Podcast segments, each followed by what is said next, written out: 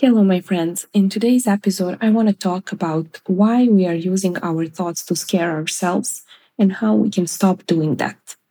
You guys already heard that to every day when we wake up, we basically go and rehearse the same thoughts over and over again. They say we have between 60 and 80,000 thoughts a day, and 90% of those are the thoughts that we kept thinking years before. And that is very boring and pathetic because we can do better. And what is the problem with that? The problem with that is that the thoughts that we keep thinking, they become our beliefs. And sometimes those beliefs are not serving us to become the person that we want to be. I have this problem as well as everyone on this planet. The only difference is that some of us are working on it and are aware of it and are passionate to actually catch our brain when it keeps thinking the same thing that is not serving us. So, how do I catch my brain thinking something that's not serving me? I go to my body. So, when I feel anxious, I stop myself. I don't go into thought loops and rumination. I just take a piece of paper and a pen and I do a thought download. A thought download is a tool I've learned from my mentor, Brooke Castillo. And what you basically do is you just write down all the random thoughts in your mind that are scaring you in that second. And once you realize that something external that has happened, the circumstance, is not what is scaring you, but your thoughts about the circumstance, you actually gain some peace and you gain some accountability and you no longer feel like a victim. You still feel sad, upset, worried maybe, but you are no longer feeling disempowered. And this is something that basically saved my life through some of the worst circumstances that have happened during the past few years in my life. And we need to actually start thinking about what we are thinking because if we do not do that, we will actually be delusional and think that what we are thinking about is the absolute truth, which is not. It's just the thoughts that we kept rehearsing. And we cannot create a new life if we keep thinking what we've been thinking for the past 20 years. And to me, the most crazy part about this is actually that we are so tied within our stories. We are so connected to our stories. And we believe that our stories are circumstances and that everyone on the planet would see them as circumstances. But when we talk about somebody about it, and they act differently and they tell us, no, actually, you can do something, you have ownership, we get upset. We don't get happy that they gave us back our power, we get upset because we've been choosing to think the thought that we are a victim about that particular circumstance for so long that we cannot even fathom that we had the power all along and we did not see it. So, when do I use this the most? When I feel anxious and upset and worried.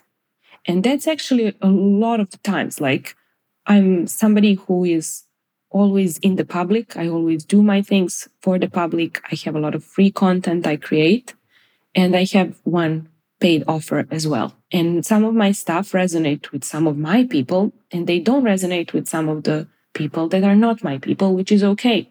But what is not okay to my mind is that those other people have opinions about my work, and those opinions are something I personally do not agree with. And it's funny because I know intellectually that everyone has the right to their own opinions. And I really truly believe that. And I want all of them to express it because that's actually how the world works. The problem I have is when my brain gets scared. So, for example, if something happens and somebody is actually messing with me or threatening me or something like that, which happened in the past, my brain thinks we are really going to get hurt. So my brain wants to hide, and then my brain hijacks my normal part of the brain and starts filling it with scary, crazy thoughts. And this usually looks like, feels like anxiety. So I keep something happen and then I have some thoughts about it, and then I feel anxious. And then I take my paper and I start writing my thoughts. And it's actually very upsetting to me and sad when I see this that we actually, as humans, are using our thoughts and imagination instead of to create something, we are using it to scare ourselves, which is ridiculous. Like life can be scary enough already. We don't need to use our thoughts to add salt to the injury. So this is actually a Serbian proverb. So if you don't understand it, I'm sorry.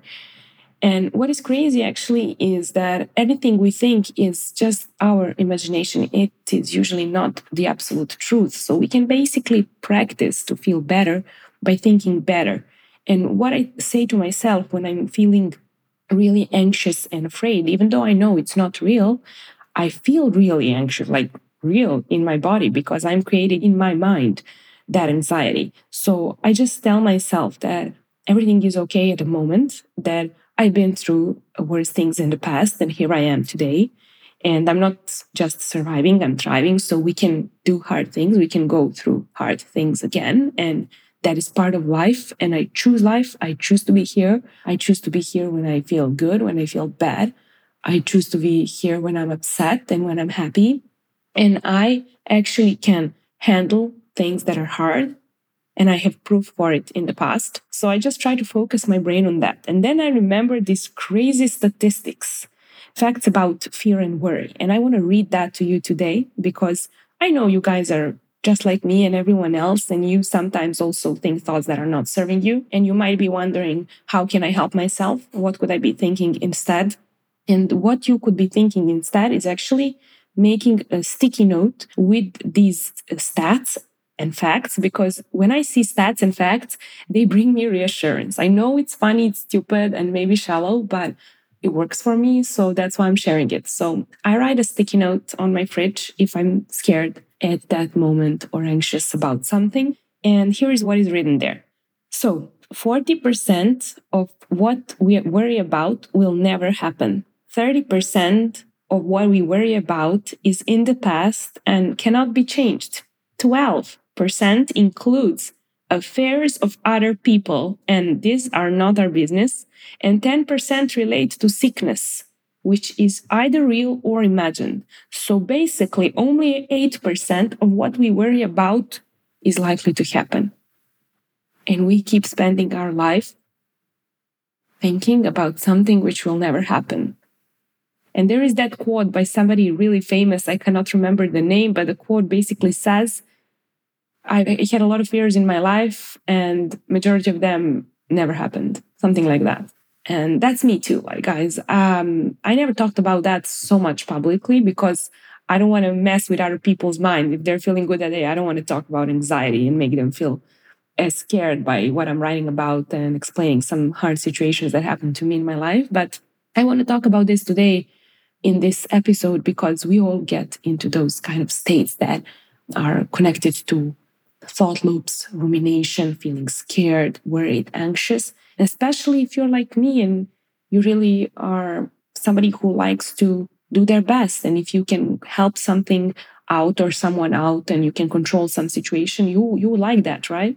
But you can't because life happens and you can do everything right and something bad will happen. So what you can do is take back ownership of your thoughts and as I've said, the best tool for me is a thought download. And you can go uh, head over to my mentor's podcast. Her podcast is the Life Coach School, Brooke Castillo. And go ahead and download the thought download episode and listen to it and practice it daily. I, I promise you, your life will change. I've started with this in 2019, and I cannot explain to you guys what a difference this has made in my life and from everything I've did in my life, like all the programs, all the psychotherapy, everything, my mentor's work, Brooke Castillo's work, was something that made the biggest difference. And if I could send you guys one thing to go through, it would be the Life Coach School podcast from episode one with pen and paper and go through it and think for yourself and always remember that you have the power to think on purpose. You don't have to think everything you're thinking anymore if it's not serving you. Although, as humans, we want to think what we've been thinking because it feels safe. So, thank you for listening today to this episode. And I just want to tell you that I know I'm very well aware that my English accent is hideous. And that is because I was not practicing it for a long time. I, I haven't been talking in English except with my friends on Zoom. And I plan to change that. So I'm going to go away for two months and live in the US this summer while I'm waiting for my Canadian resident permit, which God knows when it will be because Canada is still closed. We cannot submit the paperwork. But once they open, we will move there. And actually, when we move there, I believe you guys will have a much better experience listening to this podcast because I know there is a lot of work to do on my language and my voice and all of that.